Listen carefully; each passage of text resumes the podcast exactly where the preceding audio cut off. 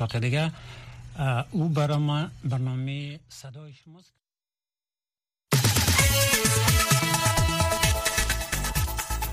دا واشنگتن دی تاسو د امریکا غږ آشنا رادیو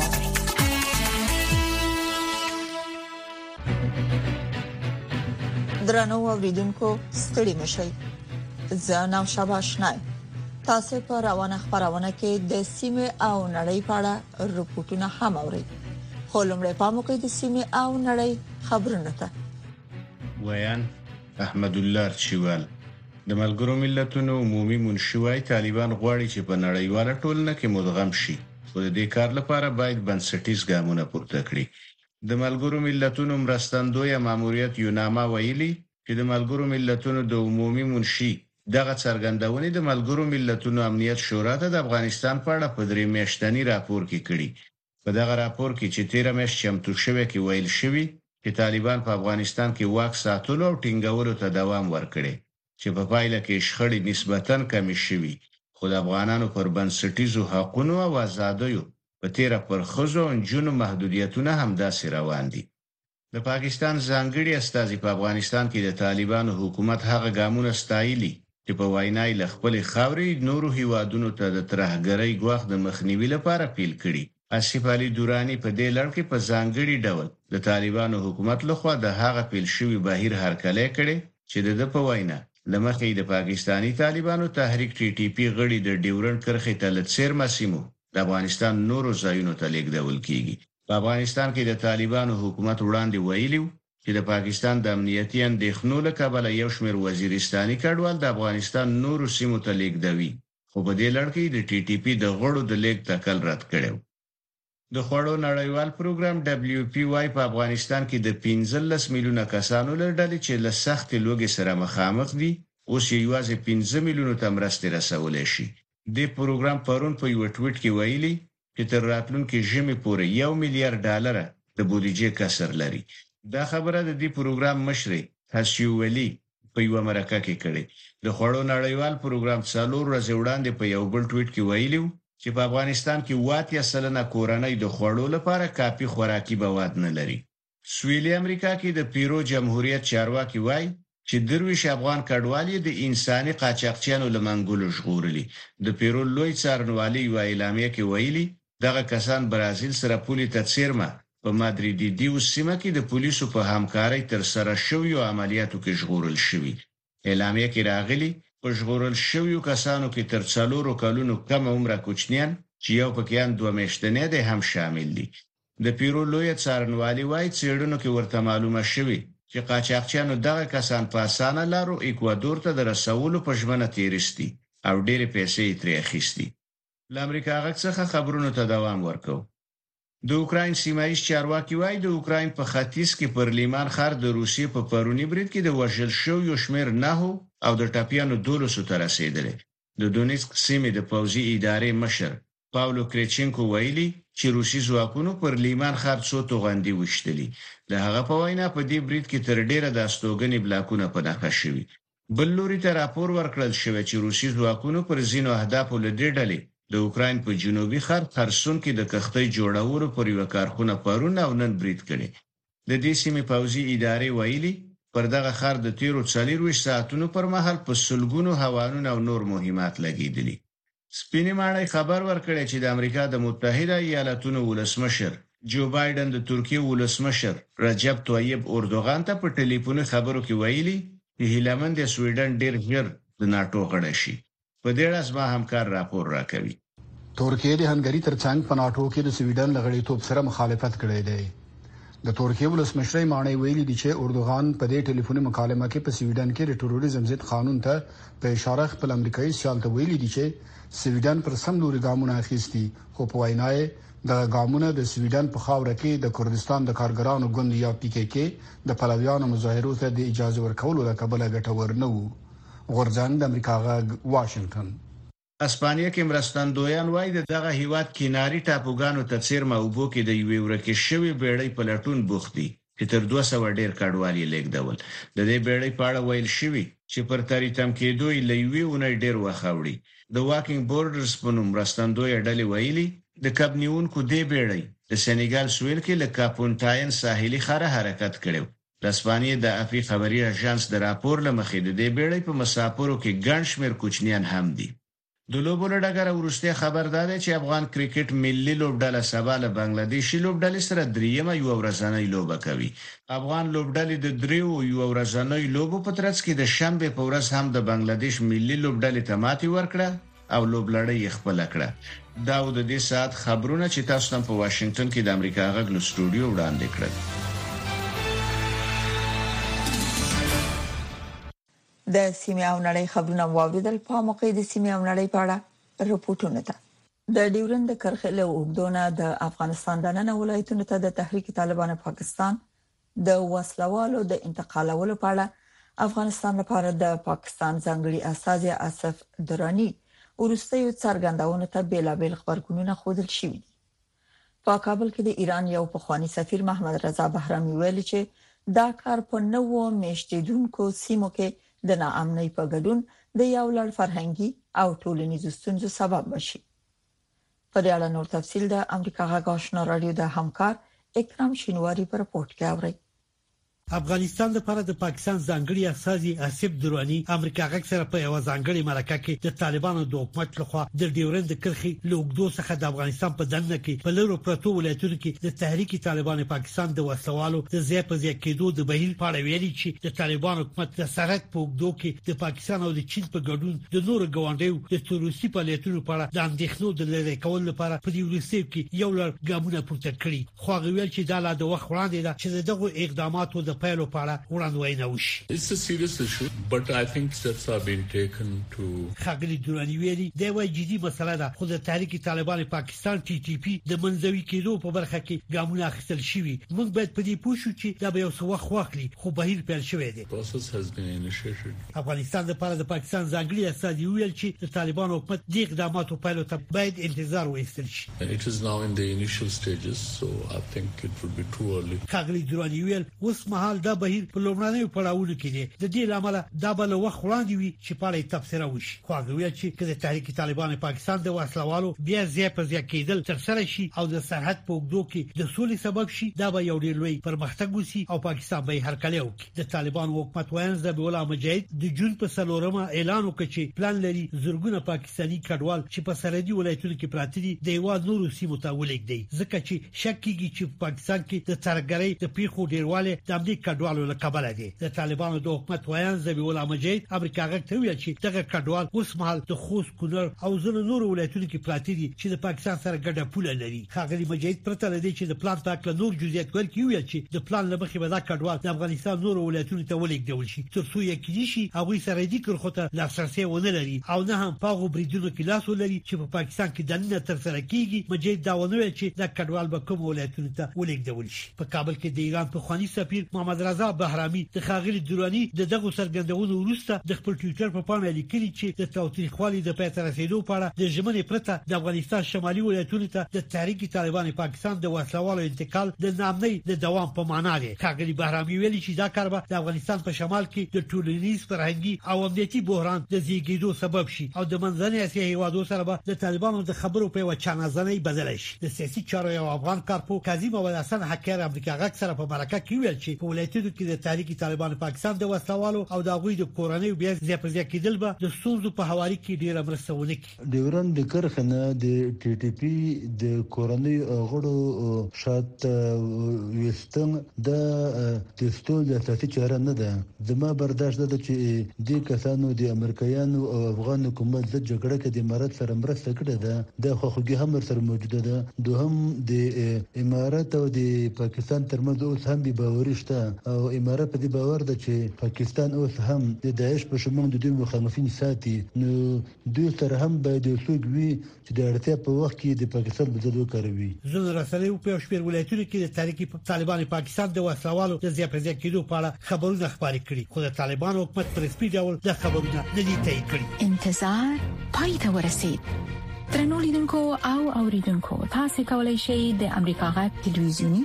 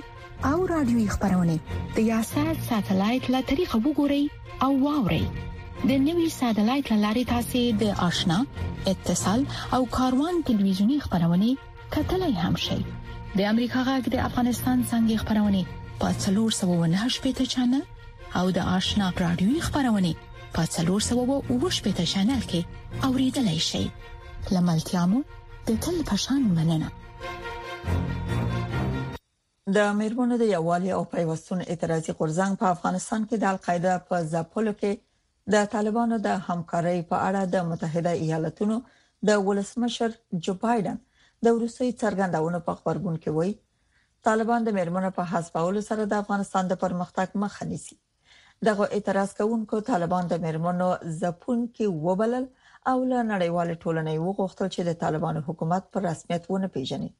بلخو د امریکا د ملي امنیت صلاحکار جک سلوان وایي هڅه کوي چې طالبان د دوه د تړون ژمنې عملی کړي طالبان تروریست دشمنان علم و دانش. د میرمنو د یووالي او پیوستون اعتراضي غورځنګ په کابل کې په یو نامعلوم ځای کې د افغان میرمنو په وړاندې د طالبانو د لګیدلو محدودیتونو په وړاندې اعتراض وکړ دغه میرمنو د مختلفو شعارونو په ښکارا کولو سره ادعا وکړه چې له طالبانو څخه د امریکا مالی ملاتړ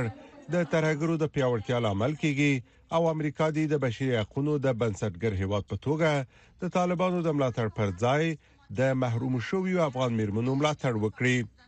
موږ ستاسو مخ ته دریږو خو ستاسو شرایط نه منو، د طالبانو په رسمیت پیژندل، د ښځو حقونه ضایع کول، پایمال نمودن همه حقوق حق زنان افریطیت طالبان را در اسلام ثابت ساخته است، اینها پیرو کدام دین و آیین هستند؟ دغو مېرمنو همدارنګه وویل چې هغوی د نورو اسلامي هیوادونو په شان د علم او زده کړو غوښتنه کوي او په کور د مېرمنو په کېنولو سره د طالبانو په وړاندې بدبینۍ نورې هم زیاتېږي زنان خانه نشین کینه های آتشین ما کسب علم و دانش را همسان با کشورهای اسلامی دنیا میخواهیم نه نصاب و مدرسه طالبان دغه میرمنې په داسې حال کې اعتراض کوي چې له افغانستان څخه د امریکا تر وتلو شاوخوا دوه کال وروسته ولسمشر جو بایډن څو ورځې مخکې وویل چې طالبان له افغانستان څخه د القاعده جنگیالو په شړلو کې مرسته کوي د متحده ایالاتونو د ملي امنیت صلاحکار جک سلیوان د امریکا غږ دی وی پښتونې په جواب کې چې آیا واشنگټن د ترهګریزو اهدافو په لمنځه وړلو کې له طالبانو سره کار کوي وویل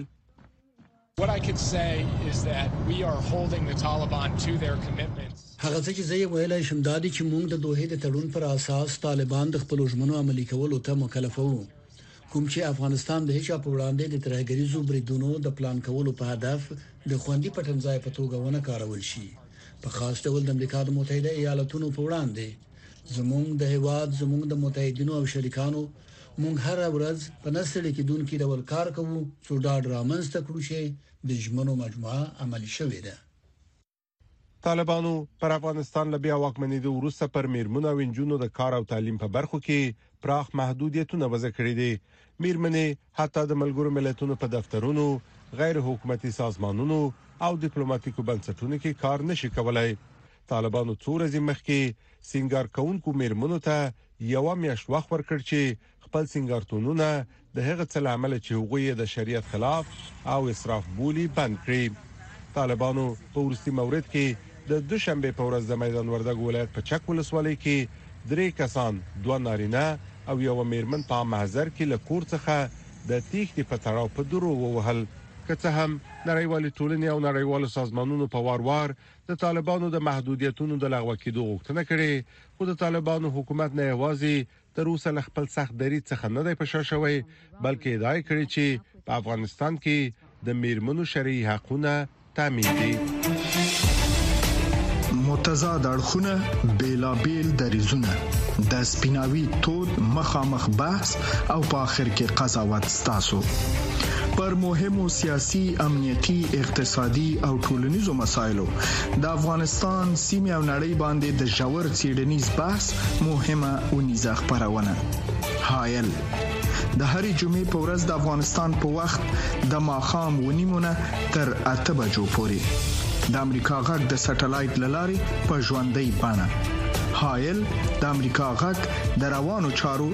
نوی ټلویزیونی خبرونه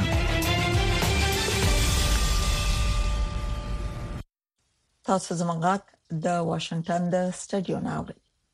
د راپورونو په اساس د واګنر د ملشي مشر چې څه مو د وړاندې د روسي په وړاندې پاتون کړي وو او د یوې هوکړې لمخې بلاروس ته تللی وو یو ځل بیا په روسیا کې لیدل شوی د امریکا د سولې په انسټیټیوټ کې د اروپا او روسیې د برخې ستر سلاکار ډاکټر ډونالد جنسین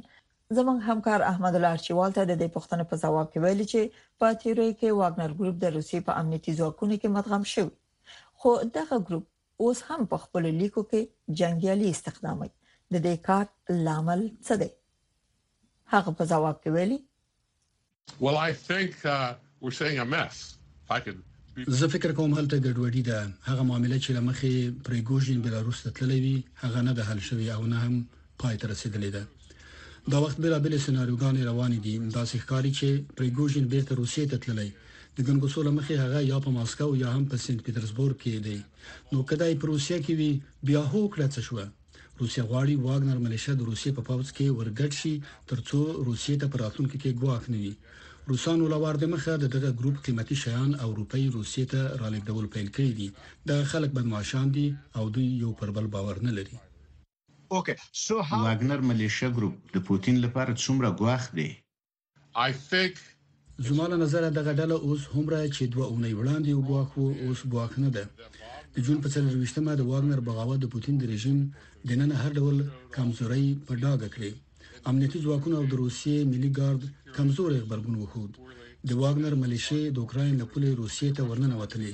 د یو خار نیول او بیا ماسکو ته مارش د روسیې په دننه کې او د باندې خلک حیران کړل مونږ فکر کولو چې پوتین له دغه ډیر پیاوړی دی هغه څه چې زه یې په اړه فکر کوم هغه دا دي چې ښایي په روسیه کې نورې ملیشه ډلې هم ورته کړنې ترسره کړي ښایي چې چینیان دا کار ونه کړي خو د دې امکان شته چې نورې ډلې لکه غاز فرم ورته بغاوتونه وکړي دوی ولیدل چې د روسیې امنیتي ځواکونو خبرګون ډیر پڅ و زه فکر نه کوم چې دا بغاوتونه پای ته رسیدلي وي تاسي د پریکوژین راتلونکی څه ډول اټکل کوئ؟ فکر کوئ دی به هم د پوتین د نورو مخالفانو په څیر له کړکۍ وغورځول شي او که نه اوس هم دی پوتین ته د بیرته نژدې کیدو امکان لري؟ زه فکر نه کوم چي دی به پوتین ته بیا نژدې شي. زما رایه دا ده چي دی به یا له کړکۍ څخه وغورځول شي او یا به ورته زهر ورکړل شي. پریګوژین ډیر غوړمال شخص دی. دی د پوتین د رژیم په دننه کې ملاتړي لري د پوتین د نورو مخالفینو په پرتله ښایي د نوموړي تاله لکې وي خو که زه پریګوژن وای ما به احتیاط کولای د پوتین پر وړاندې د واګنر بغاوت د اوکراین پر جګړه څه اغیزه کړې؟ ډېره اغېزه یې ورباندې نه ده کړې، که پریګوژین مخکې تللی وی او پر ماسکو یې برید کړی وی، ښايي روسیې به له اوکراین څخه خپل پوځیان راویستلي وی، خو دغه کار ونه شو، له دې امله په ټوله کې په ساحه کې د پوځیانو حرکت درېدلی نه دی. واګنر ګروپ تر ډیره په بخموت ښار کې وو او له بغاوت وړاندې دوی وویستل شول د دې عمله دلته څه نه دی تغیر شوی خو زه متأکد یم چې د بغاوت د اوکرانیانو مورال لوړ او د روسانو مورال ضعیف کړی هیڅ هم د روسیې د ننه د داس بغاوت تمنه کوله دا کار په ساحه کې د روسي ځواکونو فعالیت په منفي توګه اغېزمنوي. یوه بله اړونده پوښتنه دا ده چې راروانه اونۍ په لیتوانیا کې د ناټو سرمشریزه ترسره کېږي. ستاسې له نظره د ناټو په سرمشریزه کې به کومې سترې پرېکړې وشي؟ دا موضوع تر اوسه د اټکل تر حده ده. د اوکراین ملاتړي په ناټو کې د اوکراین د غړیتوب تضمین غواړي. په دې اړه د ناټو او د متحدینو ترمنځ داسې یو ګډ موقف چې دا کار به په راروانو څو اونیو کې وشي، نشته. زما له نظره ټول اوکراین ته د ناټو غړیتوب ورکول غواړي، خو پوښتنه دا ده چې څرنګه او کله؟ ښايي دې غونډه کې د اوکراین سره په ناټو کې د غړیتوب په اړه په پرتلیزه توګه یوه پیاوړې ژمنه وشي، خو دوی به په دې اړه چې اوکراین په ناټو کې ورګډ شي کوم مهالوېش ونه ټاکي. دویمه موضوع به اوکراین ته د وسلو ورکول وي. اوکراین ته د اف شپاړس جنګي الوتکو ورکړې په اړه هم کوم پرمختګ نه دی شوی. اوکراین ته ښايي د داسې پرمختللو وسلو چې تر لرې روسي اهداف وویشتلی شي، د ورکولو په اړه خبرې وشي. که راخلاصه یې کړو اوکراین سره به په ناتو کې د غړیتوب په اړه قوي ژمنه وشي خو دا لا د وخت وړاندې ده چې سړی پرې شرط وتړي دا لا هم معلومه نه ده چې زيلنسکي به په سرمشتيزه کې ګډون وکړي او کنه که دای د اوکراین سره د ناتو د غړو د ژمنو په تفصیل او د ژمنتیا په قوت پوښي خای بیا په سرمشتيزه کې ګډون وکړي د اوکراین د جګړې په اړه ستاسو ارزونه څه ده فکر کوئ روسیه په اوکراین کې په افغانستان کې د پخواني شوروي په څېر د یو راتلونکي سره مخ کېدونکې ده؟ روسان ښایي داسې برخلیک سره مخ شي، زه فکر نه کوم چې روسان تر ډېره هلته پاتې شي، خو یوه خبره شته چې په اوکراین کې روسان زیاته قوه لري، له دې امله دوی به له دغه پایلې سره مخ شي، خو دا به ژر نه وي، ستونزه دا ده چې دواړه اړخونه د مذاکرې لپاره څه نه لري، دواړه اړخونه یو له بل ډېر لرې دي،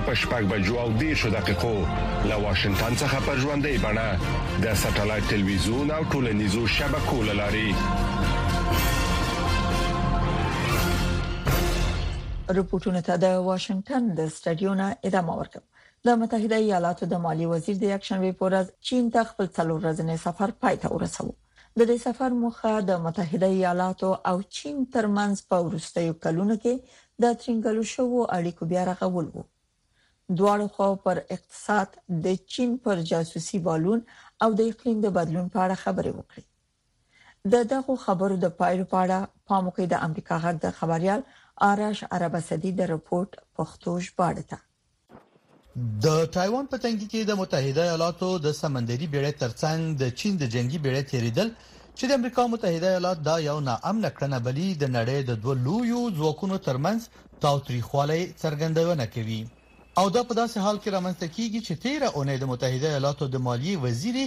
د چین پلازمینې ته سفر کړی وو په بیجینګ کې هغه له خپل سیالانو سره د سوداګرۍ، چاپیریال ساتنې او جاسوسۍ په اړه خبرې اترې کړې دي. دا ښکاري چې خبرو کې یو څه پرمختګ هم شوی، خو یلن وویل چې دواړو هیوادونه لا هم اوږده لار په مخ کې لري. متحده ایالات او چین د پام وړ اختلافات لري دا اختلافات باید په ښکاره او مستقیم ډول مطرح شي ولسمشر جو بایدن او زه د متحده ایالاتونو او چین ترمنځ اړیکې د دوو لویو ځواکونو د شخړې په چوکاټ کې نه وینو بلکې موږ باور لرو چې دا نړۍ دومره لوی ده چې زموږ دواړه هیوادونه پکې وده کولای شي دی یلین سفر په داسې حال کې سرته رسیږي چې د دې کال په پیل کې د چین یو جاسوسي بالون د کاناډا له فضانه د متحده ایالاتو فضا ته ننوځي او تر ډیره حده مزل کوي په پای کې متحده ایالاتو دغه بالون را ناسکور کړ چې د چین حکومت دا یو زیاته یو باله دا د خواشنۍ ځای دی چې د یو لړ غیر متوقع پیښو لامل لکه هوایی بالون د چین او متحده ایالاتو اړیکې کړکېچنې شوې په ځانګړي توګه د دواړو هیوادونو د مشرانو د هوکړو په پلي کولو کې مونږ لمن یو چې متحده ایالات منطقي او عملی چلند وکړي له چینایي لوري سره کتنې ولري او د چین د ثبات او پرمختګ لپاره مثبت ګامونه واخلي یلین له چین سره خبرې اترې صادقانه وبللې په ځانګړي توګه د اقلیم د بدلون په اړه په نړۍ کې د دوو لویو اقتصادونو په توګه دا زموږ په ګټه ده چې په ګډه کار وکړو او دا هغه څه دي چې نړۍ له موږ څخه تمه لري او د اقلیم بدلون د نړیوالو ننګونو د لیست په سر کې ده متحده ایالات او چین باید د دې موجودو غواخونو سره د مقابله لپاره په ګډه کار وکړي په دې وروستیو کې اړیکې هغه مهال نورې هم پیچلې شوې چې د متحده ایالاتو ولسمشر جو بایدن د چين ولسمشر شي جين پينګ يو ديکتاتور وباله. احسان لاریوزی امریکا غږ د بدلون پر مهال کله چې د نړۍ وضعیت څرګند نه وي او کله چې اوریدل ل عیني واقعیتونو سره سمون نه خوري موږ په حقیقت پسې ګرځو کله چې موږ ته د یو موضوع یوازې یو اړخ بیانېږي نو باور بایلو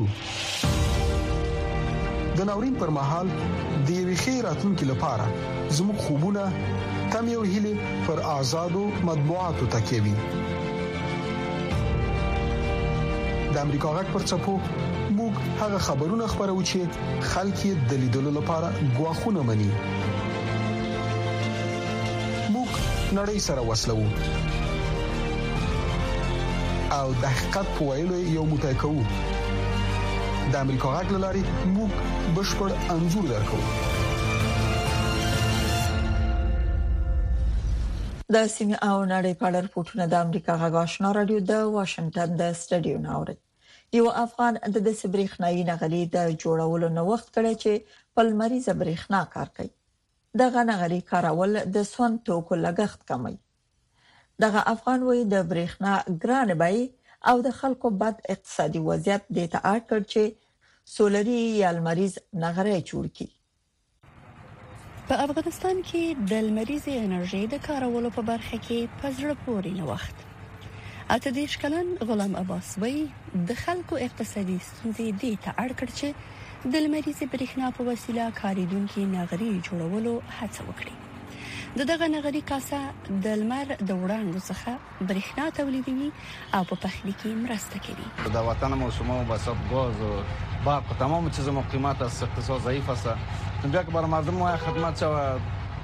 یک دانه اول از جور کردم دیدم که نتیجه میته بعد از اونم پرداخت کار زیاتر کردیم کل مکمل کار مال فعلا دمیسه همین اجاقای هفتوی هغه په مختلفو اندازو لمریز نغري جوړوي او د دغو نغریو په وسیله هر ډول خواړه پخېدلای شي. اندازش فرق میکند د ابدا اجدادا که فامیلی چهار لیتره و جوش میکنه میتونه اکثرش گوشت باشه لوبیا باشه نخود باشه هر چیزی که باشه انشالله پخته میکنه ظاهرا د هغه مشتریان هم د دې تولید څخه خوشاله دي. زه خپل هم پکې دیګ پخ کړی مې دیګ پوخوي چای جوشوي نورمار کې فقط ټول کار کوي دا دولت هم خواهش لرو کې د سره همکاري وکړي نرخونه الکتریت کی دغه مالیات کې راځي بل شان کې راولي دغه خارج مال شیشه او اوس باندې دوی کې لګارزان سي ټول څوک دینه واخلي اوس دی او قیمت دې کم کې دا سالور زده دا که مالیات پکې کم راسي دا به 2000 راسي 2000 راسي هر کورنۍ اخستای شي د راپورونو له مخې، افغانستان خپله د اړتیا وړ اتیا سلنه برښنا له ګاونډیو هېوادونو واردوي، خو له دې سره سره لا هم د افغانستان د برښنا ستونزه په بشپړه توګه نه ده حل شوې او په ځینو برخو کې خلک د اقتصادي ستونزو او د برښنا د لوړو بلونو له کبله د برېښنا څخه ډیر کار نه اخلي په داسې حال کې چې افغانان د نړۍ په کچه د برېښنا د استعمال په برخه کې د محرومو وګړو څخه ګڼل کیږي دا سينه وختونو ته چې د خلکو په ژوند کې اسانتیاوي رامنځته کوي ډیره اړتیا لیدل کیږي ګالیا رڼا نورساني د امریکا غږ واشنگټن